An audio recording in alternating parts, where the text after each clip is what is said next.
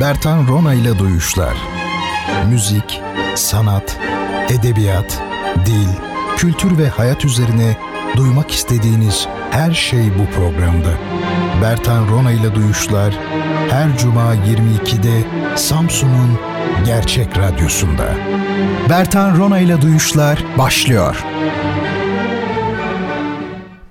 Sevgili dinleyicilerim, hepinizi hürmet ve muhabbetle selamlıyorum efendim. Yine bir Duyuşlar programında sizlerle beraber olmanın mutluluğunu yaşıyorum ama bu programın bir özelliği var. Bu program benim internet üzerinden gerçekleştirdiğim, sesimi sizlere ulaştırmaya çalıştığım e, ilk program.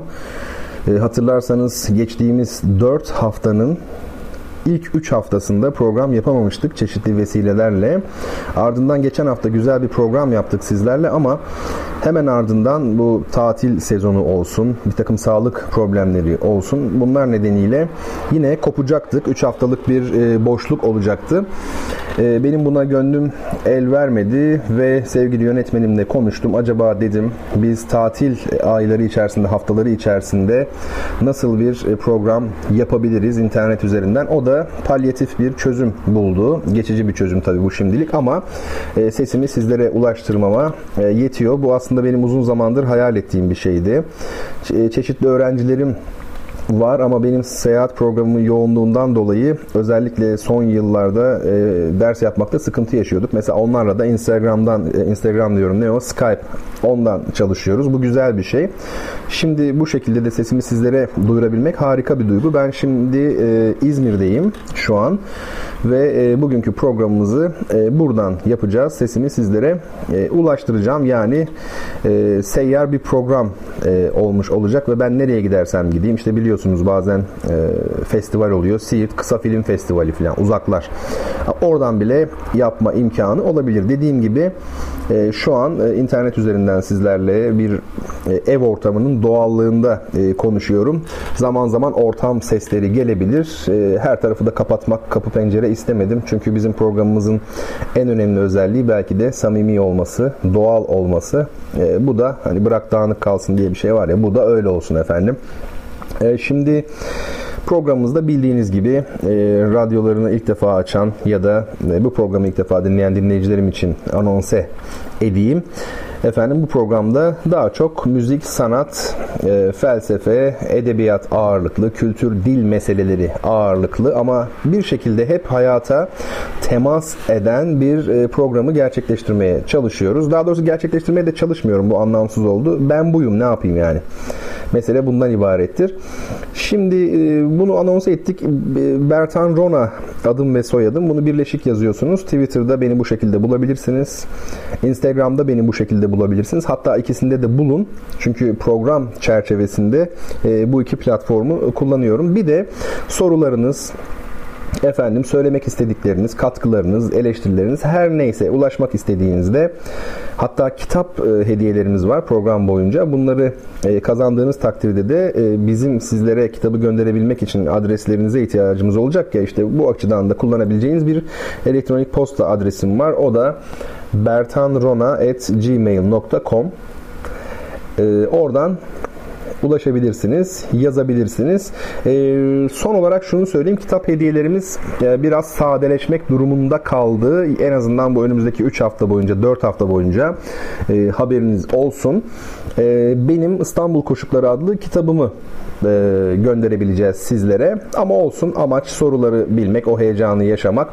Kitapları da ben radyoya bıraktım imzalayarak. E, Bertan Rona'dan sevgilerle dedim. İsim tabi yazmadım bilmiyorum kimlerin kazanacağını ama sizler bunu alabilirsiniz. Yakınlarınıza hediye edebilirsiniz.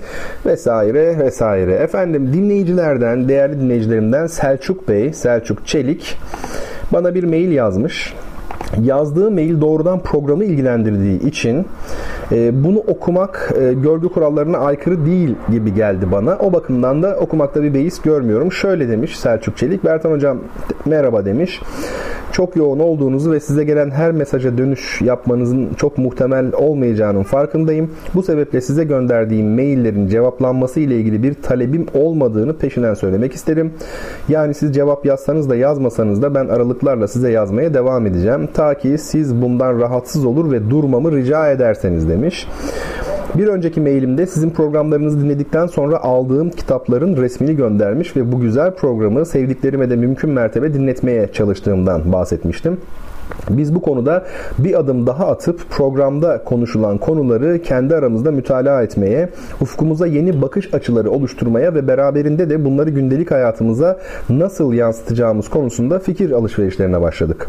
Ben yapılan iyi bir şeyin ki günümüzde maalesef iyi şeylere hasret e, duymaya başladık. Takdir edilmesi gerektiğine inanan bir insanım. Fakat helal olsun adama demekten ziyade muhatabının da takdir edildiğini bilmesi gerektiğini düşünüyorum.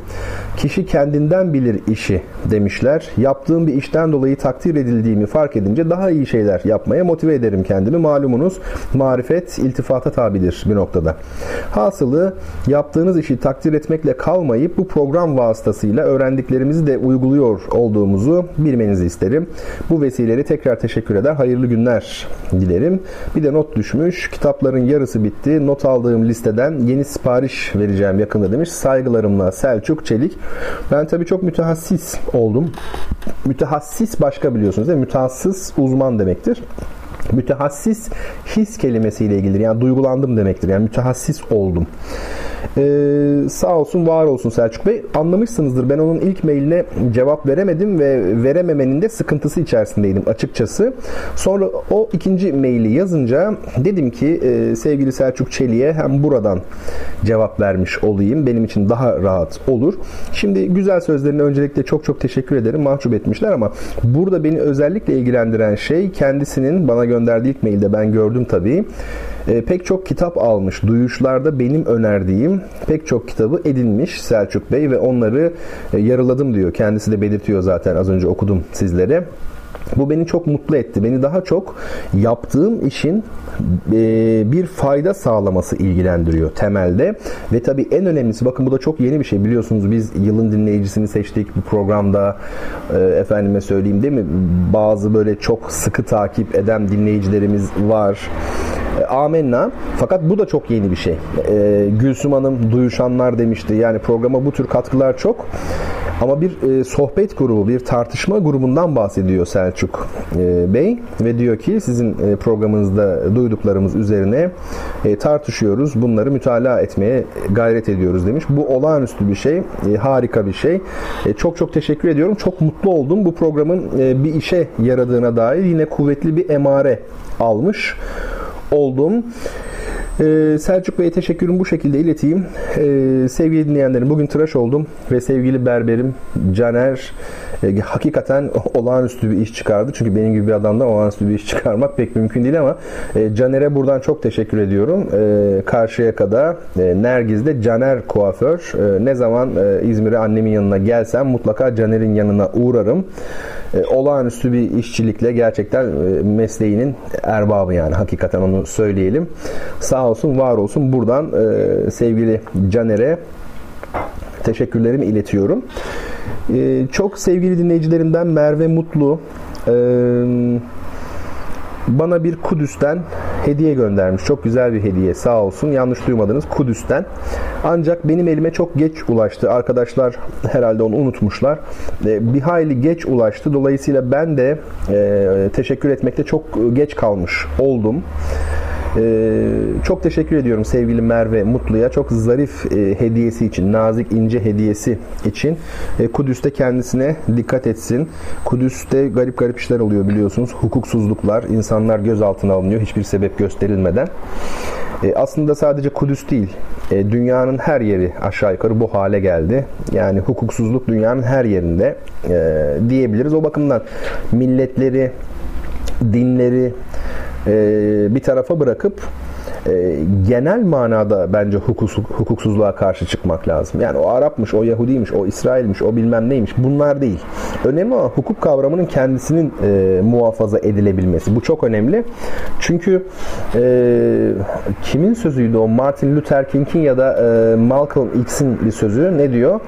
E, dünyanın herhangi bir yerindeki haksızlık adalet için dünyanın her yerinde büyük tehlike oluşturur diyor. Bu bilince erebilmek lazım.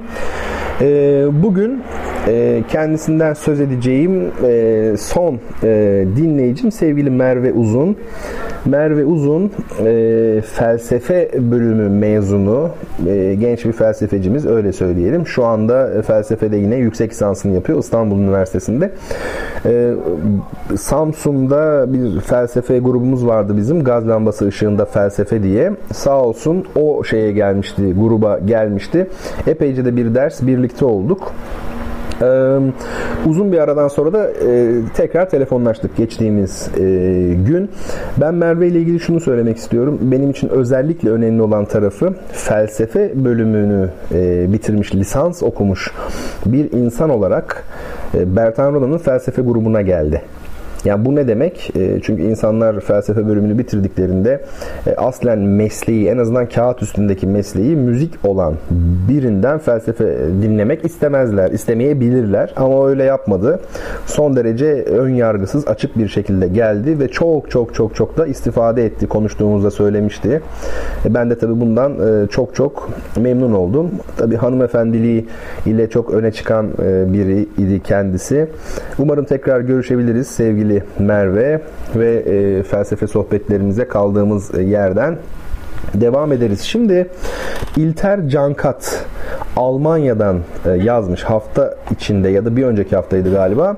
Hamburg'dan Hamburg e, Almanya'nın Ankara'sı diyelim. Hadi ikinci büyük şehir yani o manada. Hocam seyahat kavramı üzerine düşüncelerinizi paylaşır mısınız demiş sevgili İlter Cankat. Seyahat kavramı ile ilgili düşünceler göçmen göçebe aynı şey midir ayrı mıdır? Toplayıcılık tarım ilişkisi Muhiddin Arabi'nin bu konudaki sözleri modern toplumda bireyin e, köksüzlüğü ve aidiyet duygusunun cemaatlere olan eğilimi arttırması. Zygmunt Bauman'ı hatırlayalım bu konuda. Değil mi? Kitabı var Cemaatler diye. Buradan tutun da işte efendim otellerin sinema, edebiyat gibi alanlardaki yansımaları, Nazım Hikmet'le Yahya Kemal'in yerleşik olmama durumu vesaire ve insanın tabii ki yolcu olması, hayat ve fena. İlk akla gelen şeyler e, aslında e, bunlar. Ama bunlar üzerine daha detaylı belki e, konuşulabilir. O bakımdan e, sevgili İlker e, Cankat'ı bir program ben e, bekletmeyi özellikle istirham ediyorum. E, bana kızmasın ne olur. Haftaya bunlar üzerine biraz daha detaylı e, konuşmaya çalışalım. Şimdi bir e, küçük müzik aramızı verelim. Yani ilk aramızı çabuk verelim. Bugün programı çünkü e, bir buçuk saat kadar tutacağım. Yani 12'yi bulamayabiliriz. 11 iyidir. Hemen e, ilk e, müzik aramızı verelim. Hediye Güven'den geliyor. 11 Mevsim diye bir albümü var onun. Oradan You Are Gone adlı e, bir parçası var kendisinin. Onu dinliyoruz. Dinledikten sonra hep birlikte kaldığımız yerden duyuşlara devam ediyoruz.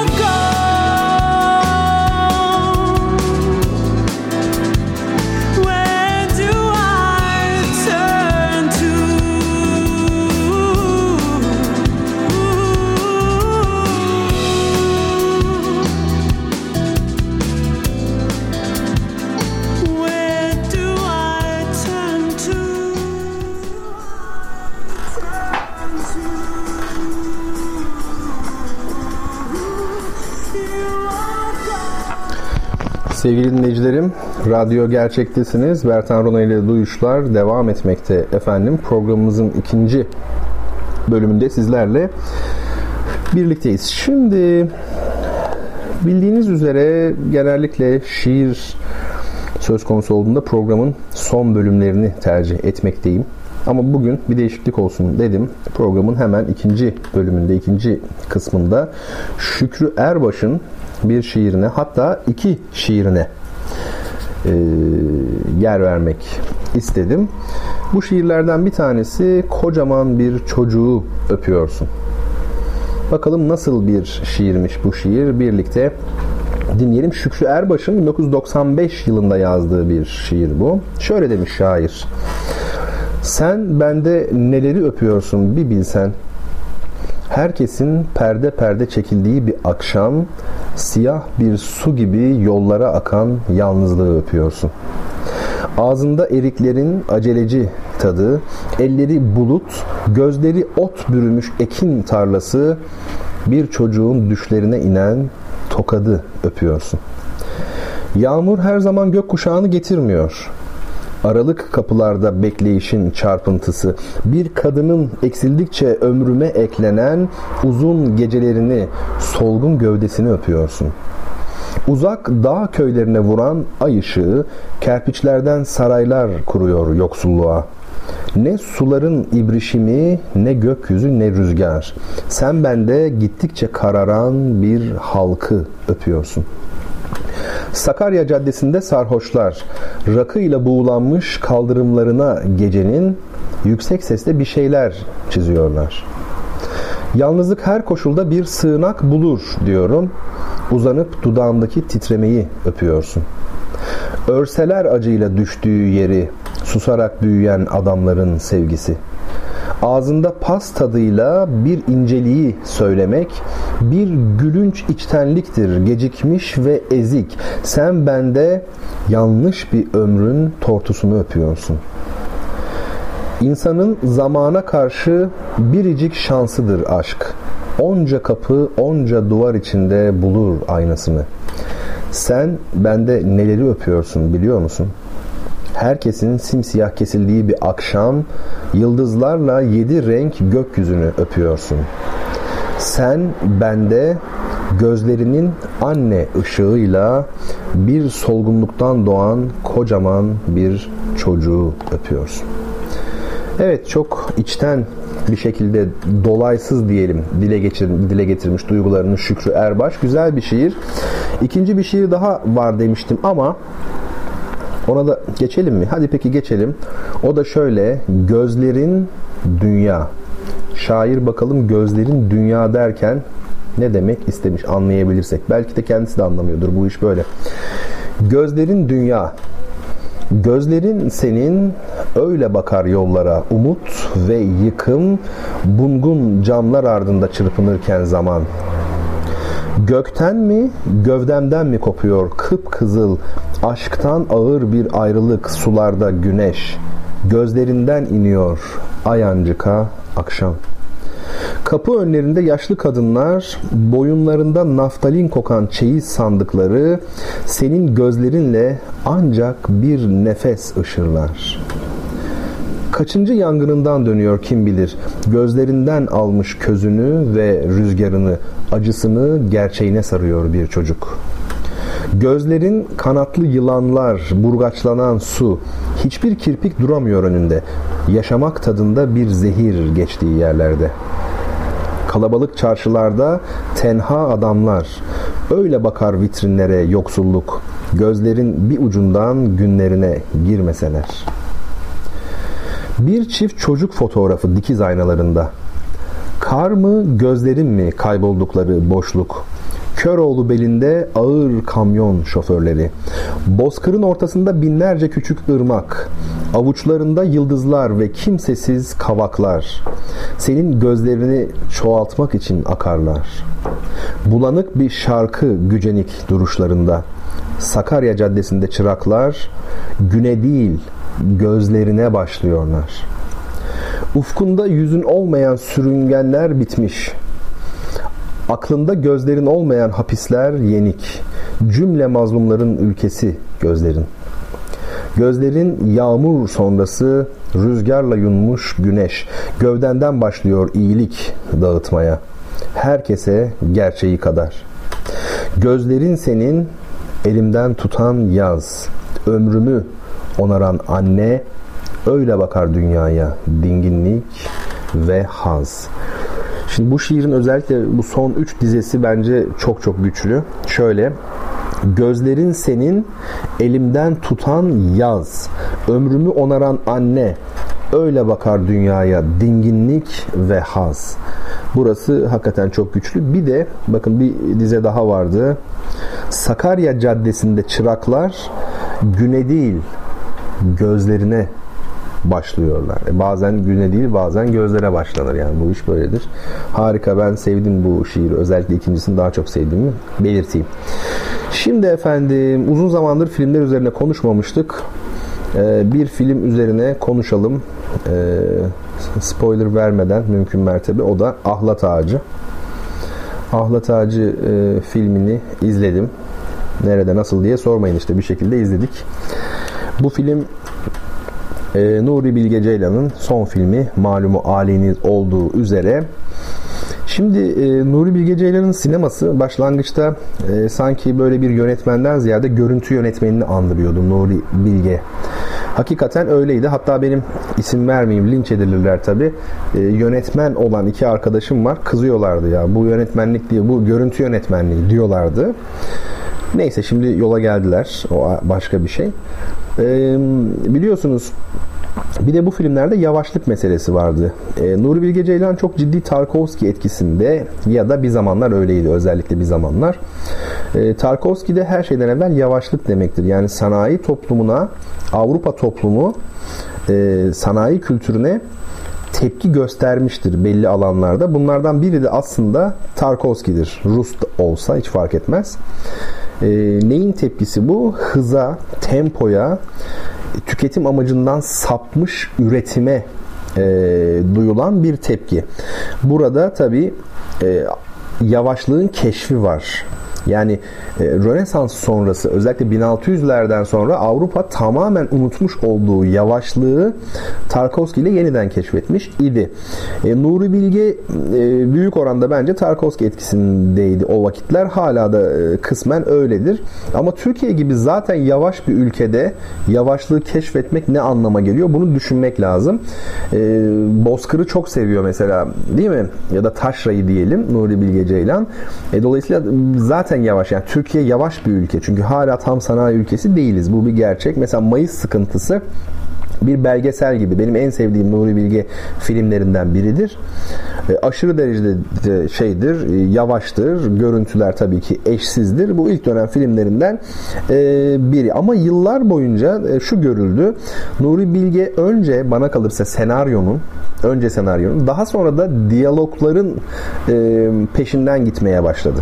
Yani Nuri Bilge'de bunlar artmaya başladı. Bu ikisi arttı. Mesela dikkat edin bir zamanlar Anadolu'da 3 maymuna göre daha ileridedir e, diyaloglar konusunda. Senaryo diyemesek de diyaloglar konusunda böyle.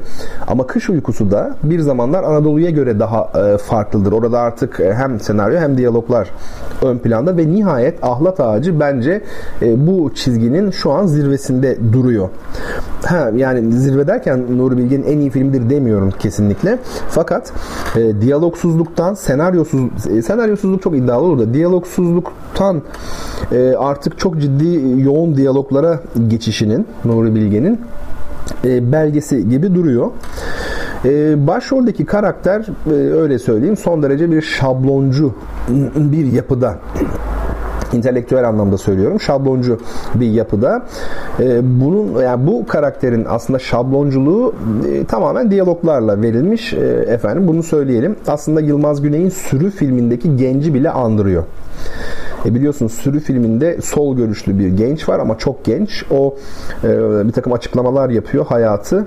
Hangi ideoloji açısından bakarsanız bakın hayat böyle işte şablonlara sığmıyor. Size çok komik e, geliyor. Bunu zaten Yılmaz Güney'e de sormuşlar. E, ben zaten onu vermek istedim. Yani ideolojinin dünyayı açıklamaktan uzak olduğunu vermek istedim demiş e, efendim. Ha, bu arada Ahlat Ağacı'nda da Yılmaz Güney'e e, gönderilmiş bir selam var. Bir selam durmuş yani üstada sevgili Nuri Bilge ne olduğunu da söylemeyeyim. Onu bile söylemeyeyim. Çok küçük bir ayrıntı ama. Bu arada e, Nuri Bilge Ceylan e, filmlerinde hiç bugüne kadar görülmeyen bir şeyi de görüyoruz. Filmde gülmece unsuru, mizah diyebiliriz. Yani yer yer baya hani komik diyebileceğimiz yerler var. Bu daha evvel yoktu Nuri Bilge'de. Bence bu bir ilk yani sinemasının yönelimi açısından e, kaydedilmeli. Hani şey yok mu böyle yavaş yavaş dalgalanan yapraklarda işte efendim yağan e, kar e, var akarsu falan şu bu işte kızın saçları dalgalanıyor. Hani klasik Nuri Bilge deriz. Amenna. Ama bence yine de görsel yönelimi Nuri Bilge'nin zayıflamış durumda. Artık Nuri Bilge daha çok e, görsellikten ziyade oral olana ya da diyaloglara ağırlık veriyor gibi.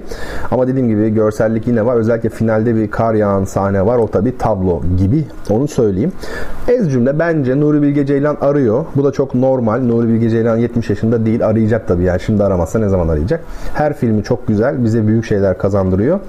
E, umarım yani keşke imkan olsa her sene bir film çekse yani. yani o kalitede filmleri düşünsenize 30 tane Bilge Ceylan filmi olsa harika olur. Ama arıyor. Ben onun çok daha başka yerlere gideceğini düşünüyorum. Bir e, senteze bence henüz varmadı Nuri Bilge. Varabilir. O gücü var. Biraz e, bekleyeceğiz. Ve onun o eşsiz filmlerini izleyeceğiz. Yani mesele bu. Efendim şimdi peki size uzun zamandır bir şey okumadım. Ee, öykü okumadım. Hikaye ve öykü yanımda getirdim tatile kitabımı. Okuyacağım öykünün adı Feci Bir Sergüzeşt Hikayesi. Hemen anlayacağınız gibi dili eski tabii ki. Neden eski? Çünkü bu hemen bir size söyleyeyim şimdi bakayım. 1931 yılında Yeni Gün gazetesinde yayınlanmış. Aslen Mihail Zorchenko'nun, Zorchenko biliyorsunuz ünlü, onun bir öyküsü ama çeviren, hadi çevireni de sonra söyleyeyim. Bazı şeyler var, e, kelimeler var. Onları ben size Türkçeleştirmeye çalışacağım elimden e, geldiği kadar. Şöyle bir bakalım. Dördüncü katın merdiven sahanlığında bir adam durdu. Ceplerini karıştırdı, kibrit çıkardı ve yaktı. Kısa ve sarı bir alev damlası kapıdaki pirinç levhayı aydınlattı. Levhada aynen şu yazılar vardı. Diş tabibi Hasan Şakir. Meçhul adam işte burası diye mırıldandı ve zili bulamadığı için kapıyı tekmeledi. Kapı gürültüsüzce açıldı. Meçhul adam bir gölge gibi içeriye sıyrılırken affedersiniz doktor bey hasta kabul ediyor musunuz diye sordu. Eh ne yapalım He, pardon. Devam. Affedersiniz doktor bey hasta kabul ediyor musunuz diye sordu. Doktorun yanıtı biraz beklemeniz lazım gelecek. Müşterim var diye doktor cevap verdi. Eh ne yapalım bekleriz dedi meçhul adam. Doktor keskin parlayan gözlerle meçhul adamı fena fena süzdü ve dedi ki yemek odasında beklersiniz. Beni takip ediniz. Ve meçhul adam daha oturur oturmaz diş tabibi süratle geriye döndü. Yemek odasının kalın kocaman kapısını kapatarak dışarı çıktı. Sessizlik içinde korkunç bir kilit şıkırtısı duyuldu. Meçhul adam tepeden tırnağa kadar titredi. ürkek bakışlarını odada dolaştırdı. Oda hemen hemen bomboştu. Örtülü bir masadan ve iki tahta iskemleden başka bir eşya yoktu odada. 20 dakika sonra diş tabibi Hasan Şükrü meçhul adamı muayene ediyordu. Çok affedersiniz diyordu. Üzerinizden yemek odasının kapısını kilitlediğim için fevkalade müteessifim. Fakat evde hizmetçim falan yok. Halbuki iktisadi buhran dolayısıyla ahval malum. Şimdiye kadar müşterilerim iki paltomu aşırdılar. Hatta bugün bir hasta tükrük hokkalarından birini çalmış. İnsan burada müşteriyle uğraşırken bekleme odasındakiler evi soyup soğana çeviriyorlar. Bundan dolayı bazı tedabir yani tedbirat almak mecburiyeti hasıl oluyor. Çok affedersiniz. Ağzınızı açınız lütfen. Hmm diye anlaşılmaz bir ses çıkardı meçhul adam ve ağzını açtı. Meçhul adam sokağa çıktı. Bir fenerin altında durdu ve şeytani bir gülüşle tebessüm etti. Hmm dedi. Bakalım ne işe yarar. Paltosunun altından bir masa örtüsü çıkardı ve açarak tetkike koyuldu. Amma da örtü ha dedi. Örtü değil kepazelik. Hiç böyle örtü üstünde yemek yenir mi diye aksi aksi söylendi. Yere tükürdü. Fakat ne yaparsın dedi tekrar. Bundan başka bir şey yoktu. Masayı yüklenip çıkacak değildik ya iki gözüm. Meçhul adam derin bir teessüfe delalet edecek bir şekilde elini salladı ve karanlıklarda kayboldu. Efendim bu Zoşçenko'nun bir kısa öyküsü, çok kısa sizlerin de gördüğünüz gibi çeviren Nazım Hikmet. Ee, onun çevirisi 1931'de yayınlanmış. Burada tabii bir şey var. Zoşchenko'da büyük bir ironi vardır. İroni diyorsanız Zoşchenko olabilir, Haldun Taner olabilir, bir de Dimitri Shostakovich olabilir. Shostakovich'te de gerçek ironi vardır. Ee, burada bir sıradanlık görüyoruz bir yalınlık görüyoruz. Ama dikkat edin bazen çok karmaşık görünen gerçeği sıradanlık ve yalınlık en güzel şekilde ifade eder. Ve tabii ironi, ince bir ironi.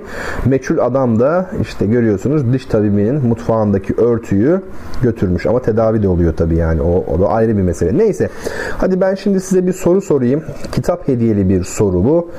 Bendenize ait bir kitabı imzalı şekilde alacaksınız. Efendim Soru şöyle.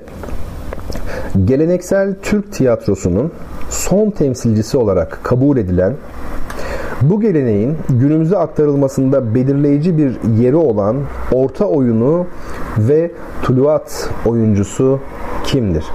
Ben de böyle sorarken şey hissediyorum kendim hani yarışma programlarında diksiyonuyla çok düzgün sorular soranlar vardır ya böyle hani geleneksel Türk tiyatrosunun son temsilcisi olarak kabul edilen bu geleneğin günümüze aktarılmasında belirleyici bir yeri olan orta oyunu ve tuluat oyuncusu kimdir? Soru bu. Efendim ilk cevap veren kişi bunu Bertan Rona Twitter hesabına mention olarak e, bakalım kimler neler yumurtlayacak. Hemen gönderiyorsunuz ve kitabınızı kazanıyorsunuz. Ama bunu kazanamazsanız merak etmeyin. iki sorumuz daha var. Üç tane. Anlaştık mı? Anlaştık. Şimdi yine bu programda belki de hiç yapmadığımız bir şey yapacağız. Belki de değil, bence hiç yapılmadı. E, müzik olarak Metallica'dan bir parça çalacağız. Bu parça e, Sanatorium olarak bilinen Sanitarium diye İngilizce tabii şeyle yazılmış imlayla. Diğer adı da Welcome Home diyor değil mi? Efendim Sanitarium. Onu dinliyoruz. E, beraber sizler tabii kitabın e, sorusunu cevaplıyorsunuz. Ondan sonra kaldığımız yerden devam edeceğiz. Sizi güzel yerlere götüreceğim. Münih'i gezeceğiz. Münih'i. Döndüğümüzde müzik arasından sonra Almanya'nın e, en güzel şehirlerinden biri, biri olan e, Münih'i tamamen kendi çektiğim fotoğraflarla efendim e, sizlere anlatmaya çalışacağım. Güzelce dinleyelim efendim müziğimizi. Programın arkasından, bölümün arkasından, müziğin arkasından birlikte olun.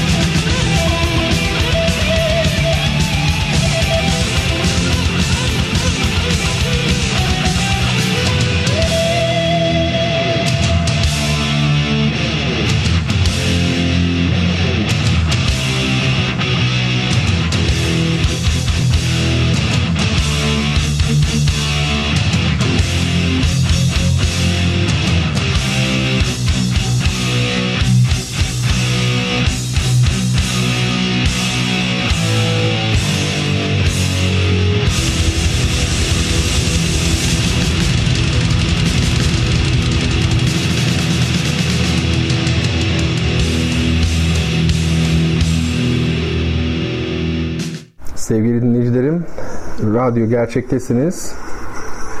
ve Duyuşlar programındasınız. Programın 3. bölümünde sizlerle birlikteyim efendim. Kaldığımız yerden devam ediyoruz. Ee, şimdi bir soru sormuştum. Soru aynen şöyleydi. Geleneksel Türk tiyatrosunun son temsilcisi olarak kabul edilen bu geleneğin günümüze aktarılmasında belirleyici bir yeri olan orta oyunu ve tuluat oyuncusu kimdir diye sordum ve cevap veren zaten çok fazla sayıda insan yok. İki kişi var. Biri Selçuk Çelik az önce kendisini e, teşekkür etmiş ve daha doğrusu mektubunu okumuş idim. Tekrar selam olsun Selçuk Bey'e. E, kitabını kendisine göndereceğiz tabii ki. Benim e-mail adresime lütfen adresini eğer gönderirse telefon numarasıyla beraber arkadaşlarım ileteceklerdir. Ve tabii sevgili Betül Sözen Sevgili Betül ya birinci olur ya ikinci olur zaten. Üçe düştüğü pek görülmemiştir yani. Bir de İsmail Hakkı Dümbüllü yazmış. Yani daha da böyle tam yazmış aslında. Ama neyse hadi bu e, akşamlık da sen ikinci ol ama belli olmaz tabii. Diğer sorularda sevgili Betül belki atak yapabilir yani. Şimdi kitap meselesini de böylelikle halletmiş olayım ve sizlere e, sizleri gezdirmeyi hani vaat ettiğim bir e, şehir vardı. Münih geçen hafta konuşmuştuk. Neden öyle dedik? Çünkü çok fazla e, Türkiye'deki şehirleri dolaşmıştık son bölümlerde değil mi? Böyle Mardin, Amasya, Amasya daha önceydi galiba da böyle Diyarbakır, işte Hasankeyf, e, Mardin falan derken biraz tekrar dünyaya açılmakta fayda gördüm. Ve e, Münih'ten söz etmeyi e, düşündüm. E, ben Münih'e 2013 yılında gittim. Yani 5 sene olmuş gideli. Münih Almanya'nın üçüncü büyük şehri yani. Hamburg dedik ya Hamburg e, eğer iki Ankara'sıysa o zaman Münih'te tabi İzmir oluyor ancak dokusu yapısı tabii ki çok farklı. İzmir bir Ege şehri, Akdeniz şehri. Münih dağlık yani en azından şehir merkezi dağlık bir bölgede olmasa da Bavyera'da yani sonuçta. Denizden çok uzak bir yer. Ee, Almanya'nın güneydoğusunda Münih. Ne demek bu? Bir şehir Almanya'nın güneydoğusundaysa Katolik ve tutucu demektir. Ve bayağı yobaz demektir. Açık konuşmak gerekirse tabi tabi çok tutucu.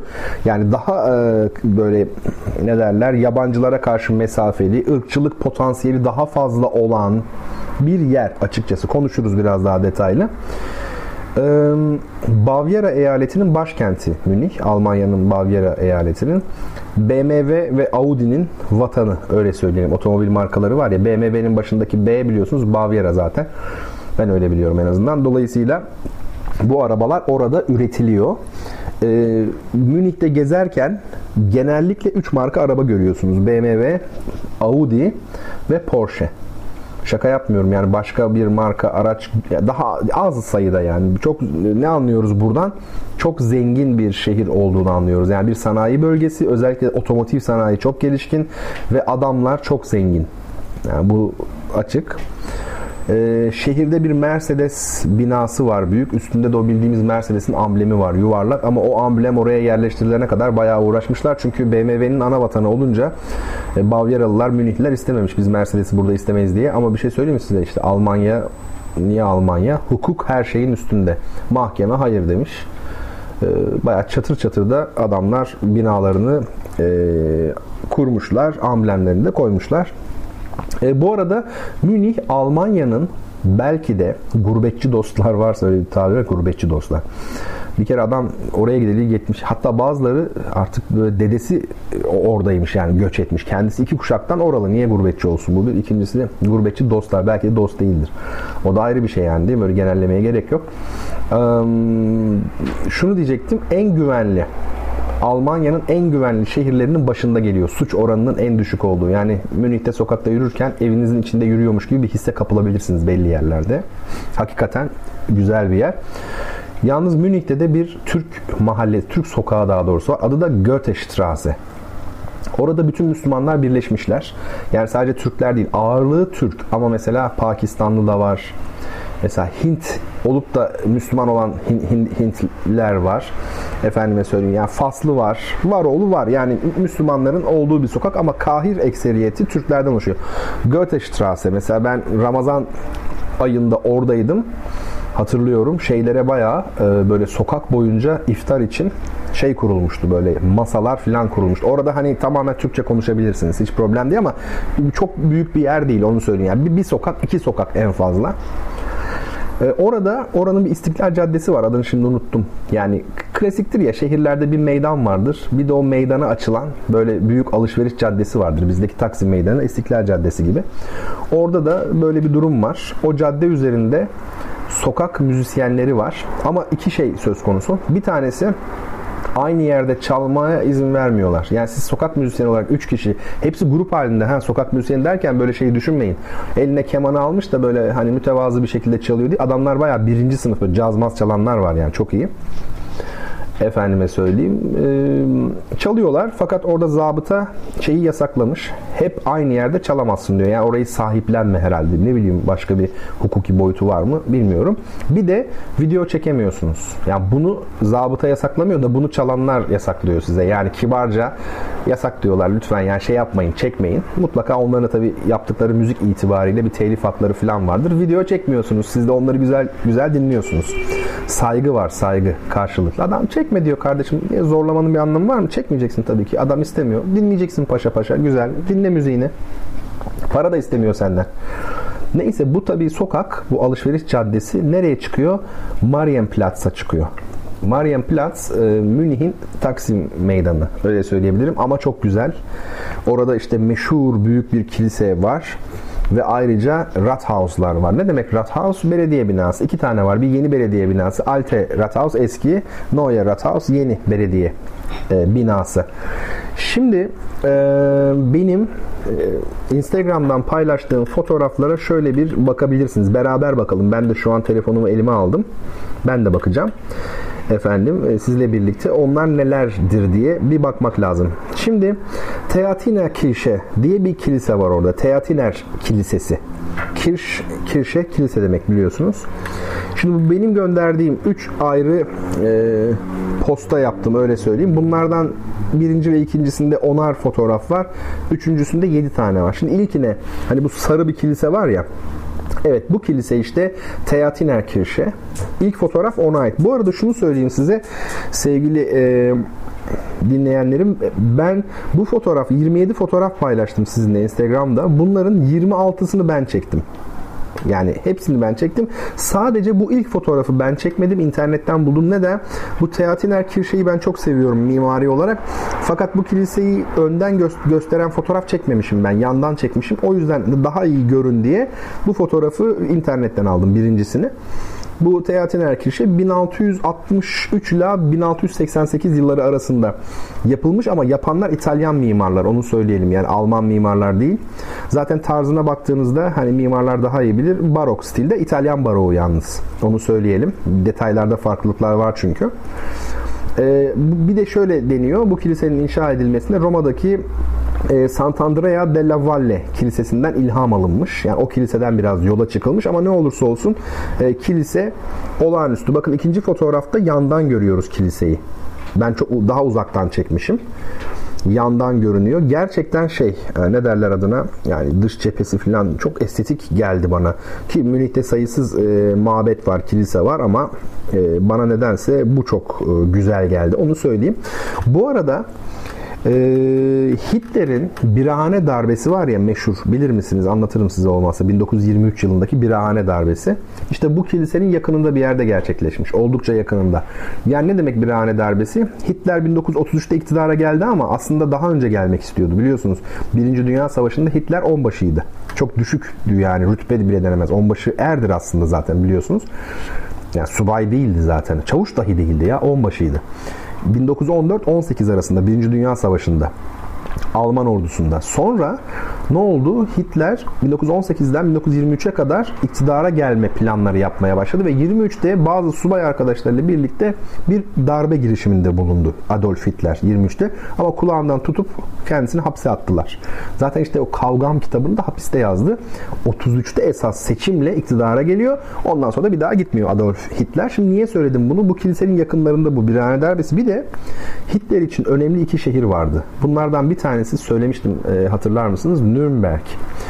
Eğer Hitler kazansaydı 2. Dünya Savaşı'nı şu an şaşıracaksınız belki ama dünyanın bir başkenti olacaktı. Ve bu başkent Nürnberg'ti muhtemelen. Çünkü Alman kültürü açısından hani vardır ya bizde mesela böyle milliyetçi e, işte Türk İslamcı veya daha doğrusu daha çok milliyetçi düşünce ne yapar mesela Erciyes Dağı, Kayseri falan ne bileyim hani zorluyorum şu an bir şey bulmaya çalışıyorum. Ama e, şeyler için Almanlar için yani Nürnberg'de sokakta böyle o eski ortaçağ kıyafetleriyle müzik yapan çalgıcıları görebilirsiniz. Wagner biliyorsunuz Hitler'i çok etkilemiş bir insandır. Wagner'in Nürnbergli Usta Şarkıcılar diye operası var. Hitler oraya 250 bin kişilik stadyum gördüm ben orayı yaptırmak istiyordu yarım kaldı. Yani Hitler dünyanın başkenti yapacaktı Nürnberg'e. Başka hangi şehir çok önemli Hitler için? Münih çok önemli e, işte diyorum ya Katolik Bavyera eyaletin ve Avusturya ile sınır aslında yani bakmayın siz ha Innsbruck ha Münih yani oralar çok yakın Salzburg falan vesaire. Dolayısıyla Hitler'in çok önemsediği bir yer olduğunu söyleyelim. Ha bir de bir şey söyleyeyim. Ben Wagner dedim ya. E, şimdi şöyle oradan aklıma geldi. Strauss diye bir besteci var duymuşsunuzdur. Ama eminim çok azınız e, şimdi söyleyeceğim şeyin farkındadır. İki tane Strauss soyadı var. Bir tanesi hepinizin duyduğu o valsler var ya Viyana valsleri işte Mavi Tuna filan gibi. E, polkalar şunlarla. Bunları besteleyenler Viyanalı. Bu büyük bir aile. Dört tane Strauss bunlar. Baba, oğul, kardeş, amca. Joseph Strauss, Johann Strauss, Eduard Strauss filan gibi dört kişi bunlar temelde. Ancak bestecilik tarihi açısından, müziğin çağdaş müziğe doğru evrilmesi açısından önem taşıyan asıl büyük besteci kimdir? Richard Strauss'tur. O da nerelidir? Münihlidir Richard Strauss. Yani öbürleri hafif müzik yazıyor öyle söyleyeyim. Klasik müziğin popu. Ama Richard Strauss öyle değil. Richard Strauss çok büyük bir besteci ee, ve Münihli. Babası da Franz Strauss Münih operasında kornocuydu. Kornocuymuş görmedim tabii ki yani. Ee, öyle söyleyeyim. Bu iki aileyi e, şey yapmayalım, karıştırmayalım. Bakın arkasındaki fotoğraflara bakalım. Şimdi bu özellikle e, birinci kilise vardı ya Teatiner Kirche. Onu gördük. Diğerlerine bakalım. Şehirden size bir takım görüntüler bunlar. Şöyle bir bakalım. Bu gruptaki fotoğraflar bitene kadar. Bakın mesela antik Yunan tarzında portal, galeri falan olan bir takım yapılar yapılmış. Bakın görüyor musunuz? Hep bunlar şey antik Yunan tarzında Amerika'daki gibi. Arka arkaya fotoğraflara bakabilirsiniz. Bakın dikili taşlar var Mısır e, şeyinde. Heh, şimdi şu sokağa bir bakın. Hani girilmez işareti var ya otomobiller için kırmızı levha var. İnanın bu sokaklarda biraz büyütün fotoğrafı. Yani şu sokaklarda gezerken kendinizi evinizde zannediyorsunuz zaman zaman. Çok güvenli yani aşırı derecede güvende hissediyorsunuz. Bunu nasıl sağlamışlar? Yani tartışılır ama öyle gerçekten. Bakın böyle ilginç kubbeli yapılar. Bu da bir kilise tabii ama böyle yeşil yeşil kubbeleri var. Bunlar da bana ilginç e, gelmişti. Birinci gruptaki fotoğraflar böyle. Onu söyleyelim. Şimdi ben tabii tahmin edebileceğiniz gibi Münih'e gidince en çok e, Pinakotek gördüm. Yani resim galerisi gördüm. Orada iki tane büyük resim galerisi var. Bir tanesi Alte Pinakotek yani yeni şey eski resimlerin olduğu e, müze. Öbürü de Neue Pinakotek. Yani o da daha yenilerin olduğu. Şimdi bu fotoğraflar Alte Pinakotek'ten fotoğraflar. Şöyle bir bakalım. İlk fotoğraf biraz şey açısından aslında aa, ne derler? Büyüklüğü, tabloların büyüklüğünü görmeniz için e, ben e, şey yaptım paylaştım sizinle. Bakın böyle galeri galeri gidiyorsunuz. Ya size bir şey söyleyeyim mi? Bak şurada anlamışsınızdır değil mi? Orada işte biri duruyor fotoğraf çekiyor, biri oturmuş telefonla mı konuşuyor, biri yürüyor. Kaç foto şey resim görüyorsunuz burada toplam? Hadi 10 olsun. Bak öbür tarafta 4 tane var zaten. 10. İsterse 30 olsun. Kaç tablo var biliyor musunuz şeyde müzede? 6000 küsür. Yani siz bu binanın büyüklüğünü zaten şimdi birazdan göstereceğim binanın büyüklüğünü de. Burada yani bir ömrünüzü geçirebilirsiniz. Yani getirin sandalyenizi izlemek istiyorsanız herhalde bir ay iki ay hiç çıkmasanız olabilir. Yani öyle bir yer.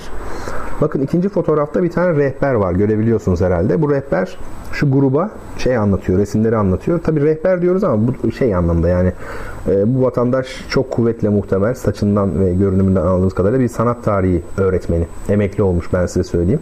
Emekli olduktan sonra da çok pahalı olduğu için hayat e, o bir şimdi şey yapıyor. Müzelerde para karşılığında ama yasal olarak yapıyor. Çünkü yoksa yaptırmazlar size oradan para kazanamazsınız.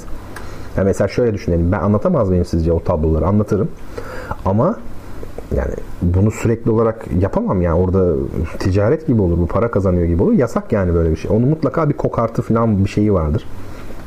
Ee, burada da hanımlar şey yapıyorlar güzel güzel şeyi izliyorlar adamı dinliyorlar ve şeye bakıyorlar.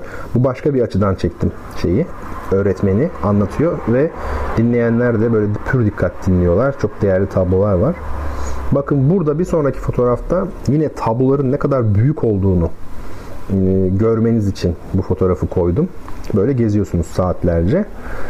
Mesela burada bir kızcağız bakıyor böyle tabloya. Muhtemelen şey Rubens değil herhalde yani o benziyor ama büyüklük açısından falan. Rubens daha renkli olur değil mi? Devam edelim. Ha mesela şimdi bunu niye çektim? Bir tane tablo var bakın burada. Sıradakini söylüyorum. Şimdi burada bu bir pusen. Zaten şeyden belli. Desenistir yani çizgi çok bakın çok çizgisel. Nasıl göstereyim size? Bir önceki fotoğraf e, şeyi tekrar açın resmi. Bakın orada da renk ve çizgi var değil mi? Ama bakın çizgiler Pusen'e göre daha belirsiz. Şimdi Pusen'e bakın. Bakın ne kadar çizgisel kaldı bir yanlış. Oradan anlıyorsunuz desenist olduğunu. Neyse e, şey ayrı konu bu konular. Şimdi tabloyu gördünüz. Bakın bir sonraki fotoğrafa bakın. Tablonun altını çektim orada fotoğraf olarak. Ne yazıyor? Nikola Pusen. Apollo und Daphne. Yani Defne yani Apollo ile Defne biliyorsunuz meşhur mitolojide şey. Altta da böyle künyesi var yani tabloda. Hangi ressam, onun hangisi şeyi falan diye. Ve şimdi size bir şey daha göstereceğim. İşte ben burada düşünebiliyor musunuz? O kadar değerli tablolar, mablolar var. Tamam çok beğendim, etkilendim ama şu ufacık yer beni en az o kadar etkiledi. Bu da benim kitap hastası olmamdan kaynaklanıyor. Şeyden çıktıktan sonra müzeden aşağı tarafta tabii ki size böyle para kazanmak amacıyla yapılmış bir şey bu. Böyle bir şey yapmışlar, stand yapmışlar. Orada gördüğünüz gibi sanatla ilgili kitaplar var. Yani resim, mimari, heykel. Sanat bu üçüdür zaten. E, plastik sanatlar yani. Ve burada ben yani hakikaten kendim ufacık olduğu halde kendimi kaybedecek gibi oldum. Hepsini okumak lazım. Bunlar dünyanın en güzel şeyleri. Ve bir sonraki fotoğrafta bakın ne görüyorsunuz? Alte Pinakotek'in dış cephesini görüyorsunuz. Yani ben o fotoğrafı uzaktan çektim. E, yapının ne kadar büyük olduğunu size söylemiştim. Yani 6000 tane çok değerli paha biçilmez tablo var. Evet burada da biraz daha çapraz çekmişim mesela. Böylelikle bu grubu da e, şey yapmış olduk. Bitirmiş olduk. Münih'in tabi bir de bir özelliği daha var. Nesi meşhur Münih'in? Hani mesela her şeyin Giresun'un fındığı mesela. Anlatabiliyor muyum? Her şeyin e, bir şeyi meşhur. Selçuk Çelik demiş ki hocam ben teşekkür ederim. İlgiyle takip devam. Eyvallah. Tabii ki takip edin ne güzel. Ben de sizleri bakın takip ediyorum. izliyorum yani. Şimdi e, bu e, Münih bahçeleriyle de meşhur. E, kent bahçeleri çok ünlü Münih'te. Bunlardan bir tanesi de belki en ünlüsü de English Garden. E, en ünlü bahçelerden biri. Oraya gidiyorsunuz bütün dertlerinizi gerçekten unutuyorsunuz. Müthiş bir düzenleme yapılmış. Şimdi bir sonraki grupta yani benim size gönderdiğim, sizler için yüklediğim fotoğrafların sonuncusunda bakın e, şeye girerken English English Garden e, bu tabi güney girişi bakın. Züttal yazıyor. Burada önce şeyini görüyorsunuz. Böyle künyesini görüyorsunuz. Künye değil de işte planını görüyorsunuz. Koskocaman şey bu. Bahçe. Neresinden girebilirsiniz falan gibi. Ondan sonra bakın size bahçeden bir e, fotoğraf çektim. Ne bu? Küçük bir göl var. Küçücük. Orada bakın şeyler var. Ördekler ördekler ama şey değil orada böyle nasıl anlatayım? Bizde de öyle ya çoğu yerde hani ördekler kapalı falan kesinlikle değil. Sizle beraber yaşıyorlar yani. Onu söyleyeyim. Bir sonraki fotoğrafta da ne var? İzar Nehri. Bu arada bahçe kavramı benim her zaman çok ilgimi çekmiştir. Çünkü bahçe nedir biliyor musunuz? Ne e, tabiatla medeniyetin insanın buluştuğu yerdir bahçe. Yani orman da değil bakın bahçe artık.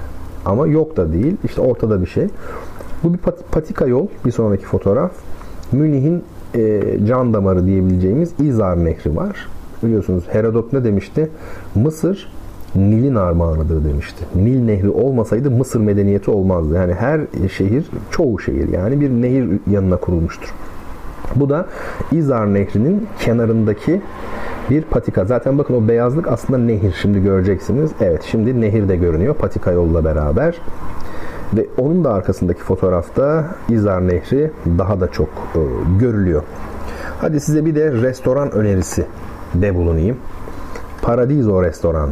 Paradiso Restoran adına bakmayın. Yunanlılar çalıştırıyor ve her Yunanlı gibi e, İmam Bayıldı'nın Yunan yemeği olduğunu, cacığın, dolmanın hepsinin Yunan yemeği olduğunu ispat etmeye çabalarıyla maalesef böyle bir şey. Ee, orada da bizim sohbetimiz oldu. Bir sonraki fotoğrafta da işte şeyi çok mütevazı. Avlusu var böyle. O, bu şekilde oturuyorsunuz. Bir de iç kısmı var. Öyle mütevazı bir restoran ama in, bu English Garden'dan çıkar çıkmaz hemen kapılardan birinin karşısında. O bakımdan turist murist geliyor yani Amerikalılar falan var onu söyleyeyim. Ama yeri çok güzel ve yemekleri de fena değildi ama ben yine de annemin zeytinyağlı tabi dolmasını, cacığını tercih ederim.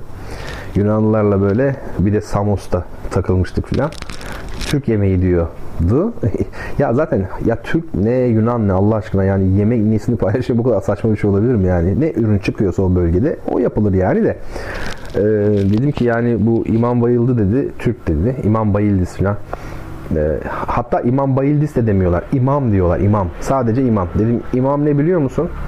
Garsonla böyle hafif bir şey şeyimiz oldu yani yok benim yemeğim falan gibi. Yok bilmiyorum dedi. İşte ben biliyorum dedim aramızdaki fark o. Yunanlılar böyle. Ben biliyorum abi imamın ne tarama diyor mesela onu bilmiyor. Tamam ya yani ismin Türkçe olması yemeğin Türk olduğu anlamına gelmez. Yemekler milli değildir. Defaatle bunu söyledik. Yemekler coğrafi fenomenlerdir efendim. Şimdi ya size çok acayip etimoloji işlerinden bahsedecektim ama dur bakalım. Onu ya haftaya bırakırız. Çünkü bu etimoloji meseleleri şimdi programı da bu gece çok uzatamayacağım belli sebeplerden dolayı. Ben hemen hızlıca ikinci sorumu sorayım. Siyah ve siyaha yakın yeşil rengiyle dikkat çeken, Güneybatı Asya ve Afrika'da yetişen Niteliklerinden ötürü Orta Çağ Avrupa'sında ve Türk İslam medeniyetinde yaygın olarak dekorasyon amacıyla ve süs eşyası, özellikle de keman, viola ve cello gibi yaylı çalgıların yapımında kullanılan ağacın adı nedir? Valla ben size bunu özetleyeyim. Orta Çağ'da çok yaygınmış. Süs eşyası yapılıyormuş. Hem Batı medeniyetinde hem Doğu medeniyetinde ve keman, viola ve cello gibi yaylı çalgılar özellikle bu ağaçtan yapılıyormuş. E, tuşesi tabii tamamen kendisi değil yani de.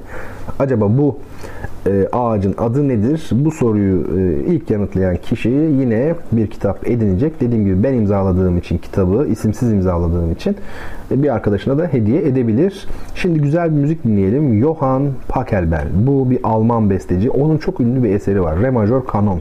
Kanon çok ciddi bir e, müzik formudur ama daha ziyade bugün çocuk şarkılarında falan kullanılır oldu.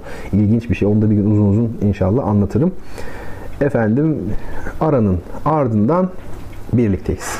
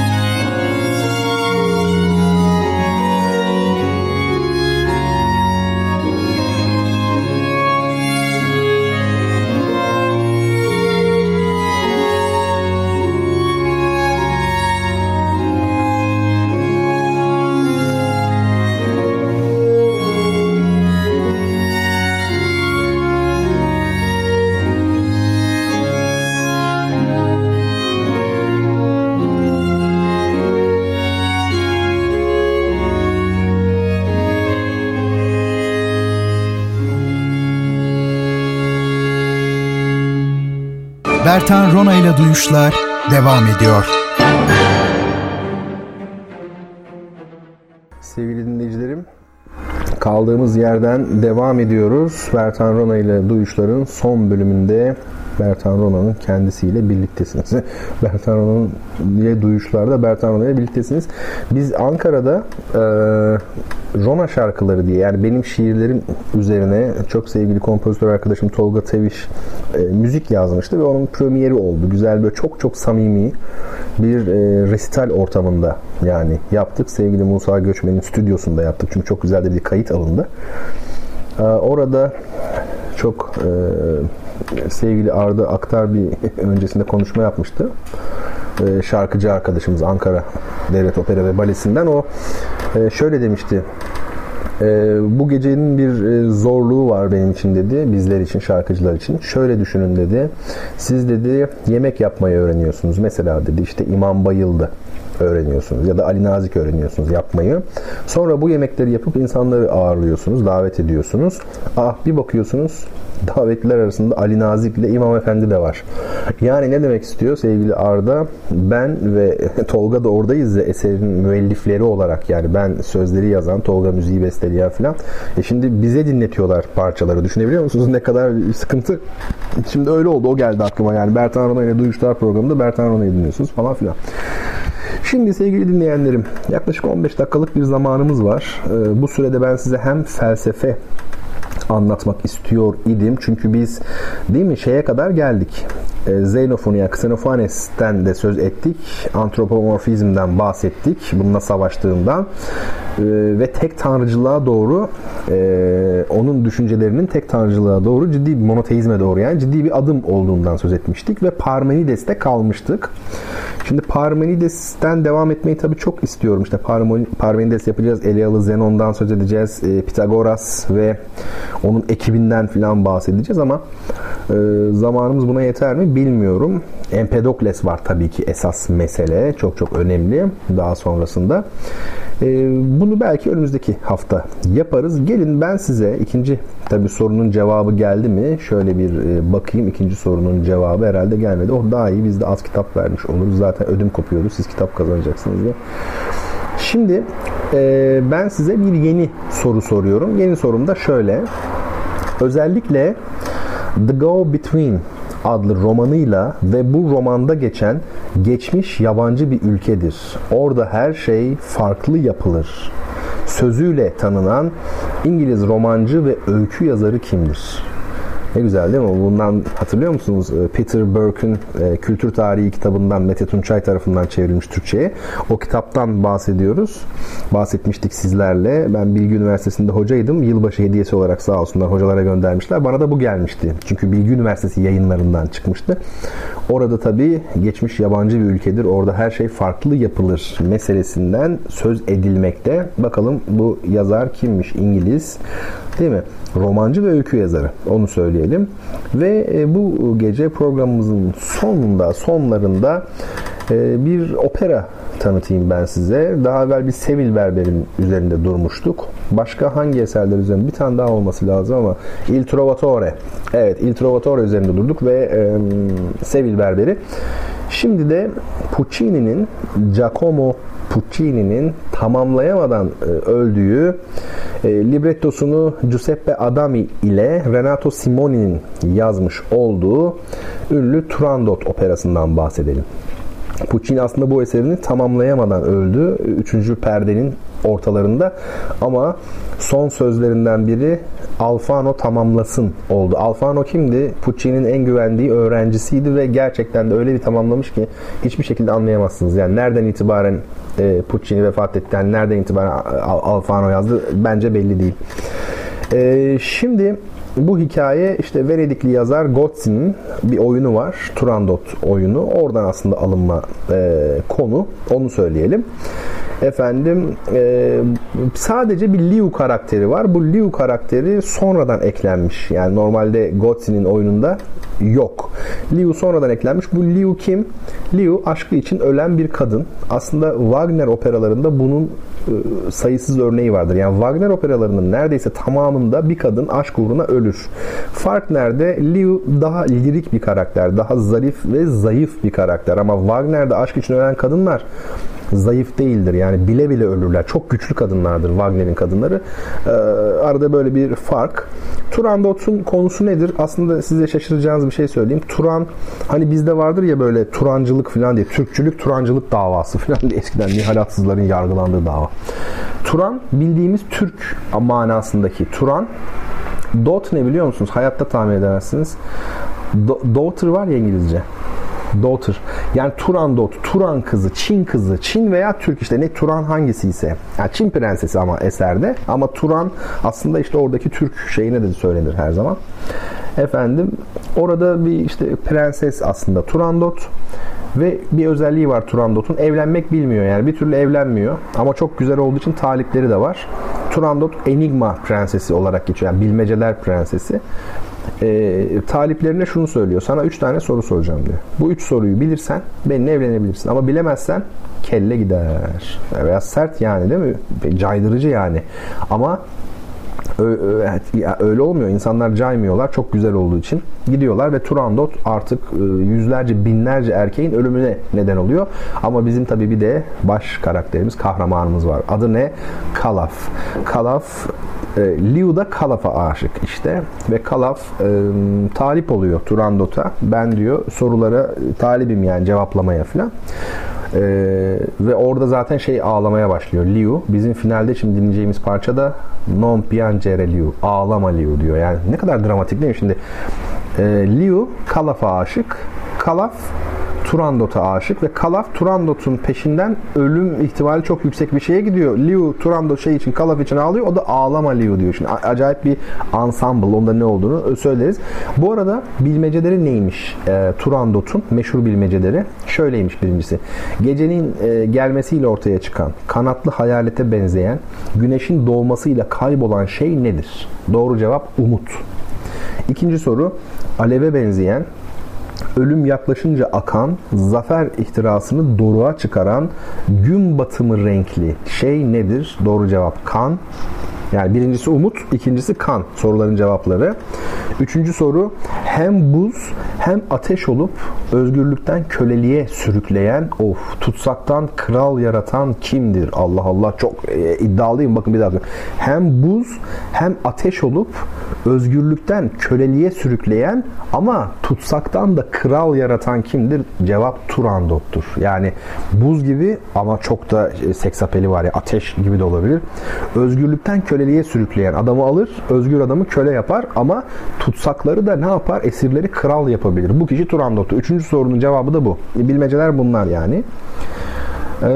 Şimdi dediğim gibi yani Üçüncü perdenin birinci sahnesini de yazmıştı Puccini. Ondan sonrasını tabii taslaklar var elinde. Eserin önceki yazılmış kısmı var. Ve Franco Alfano. Kaynaklar arkadaşı diyor ama Alfano aslında öğrencisi diye biliyorum ben. Neyse önemli de değil. 25 Nisan 1926'da Milano'da tabii ki La Scala operasında dünya premieri yapılmış.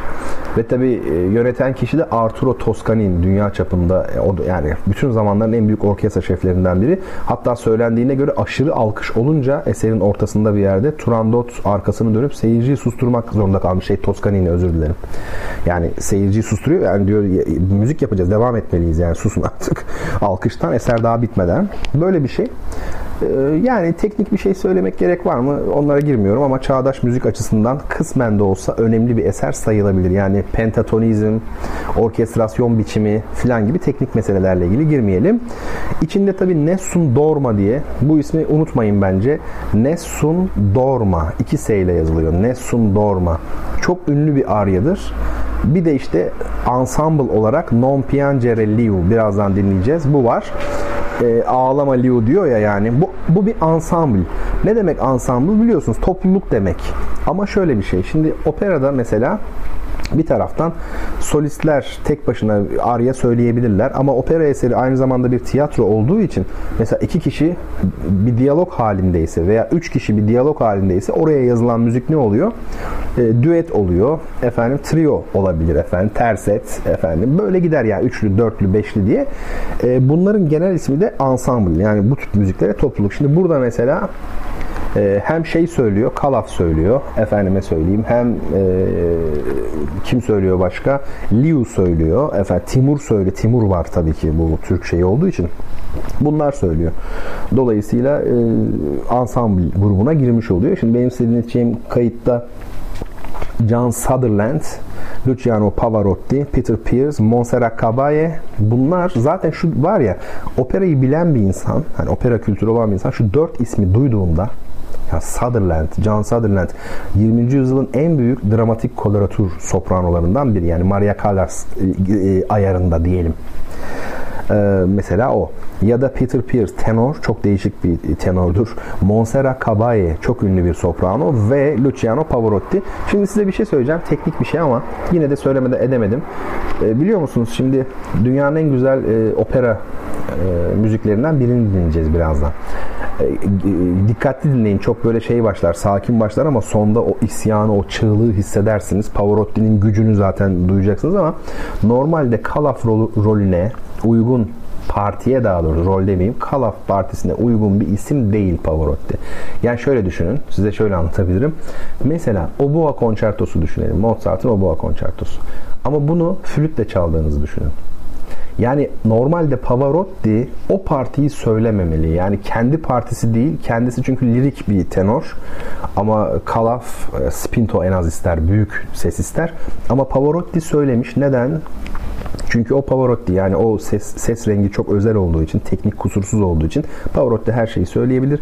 Bizler de dinlerken yani operayı iyi bilen insanlar olarak birazcık böyle Aa, ne oluyoruz falan desek de biraz garip gelse de ilk başta sonradan tecrübesiyle o büyük tabii tekniği kusursuz olduğu için mesele hallolur. Orkestra şefi de Zubin Mehta.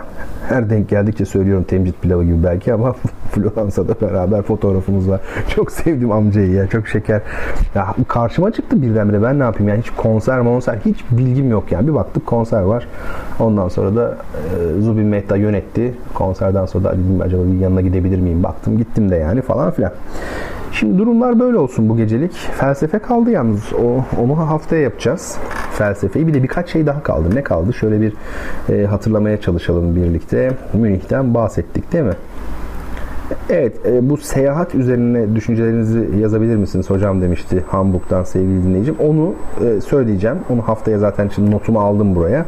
Münih'i de gezdik. Felsefe kaldı tek. Allah bereket versin yani bu gece de böyle olsun. E, efendim şeyin um, ne derler buna? E, bu ilk benim şey programım yani internet üzerinden yaptığım ilk programım. O bakımdan biraz aksilikler, aksaklıklar. Ama ben şey seviyorum, böyle seviyorum. Sorunun cevabı olarak ee, bir bakalım efendim. Şöyle Evet sevgili Burcu Ece Korkmaz doğru cevabı vermiş. Herhalde beni bu akşam Selçuk Çelik, Betül Sözen ve Ece Korkmaz dinliyor. Başka dinleyen olmadığı gibi hisse kapıldım.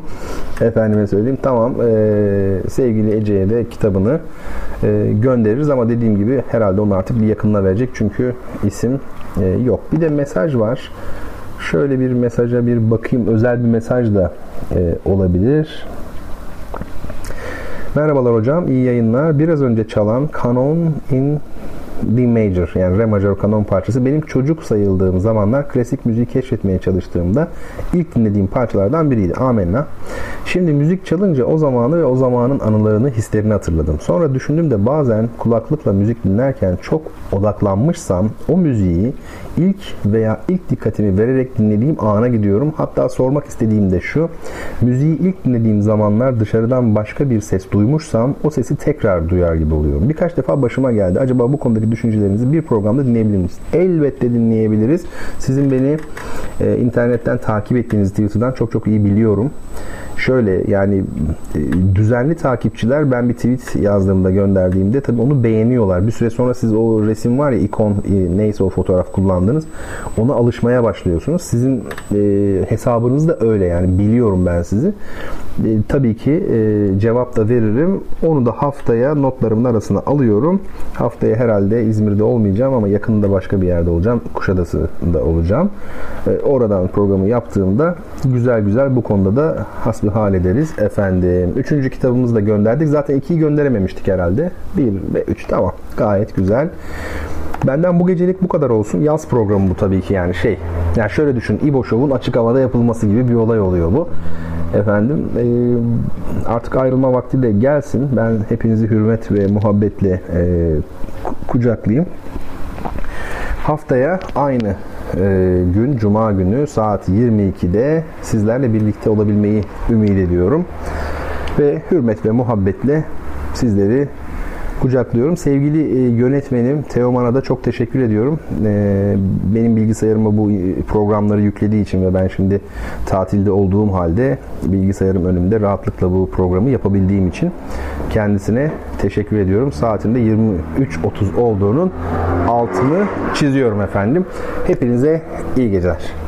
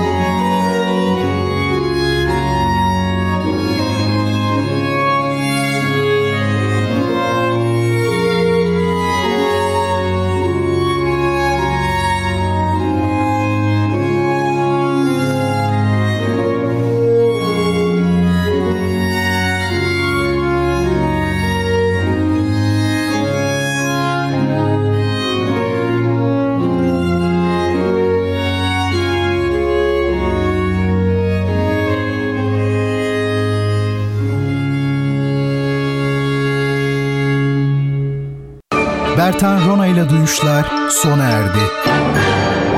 Bu program hakkındaki düşüncelerinizi dinleyen et radyogercek.com adresine mail atarak bize ulaştırabilirsiniz.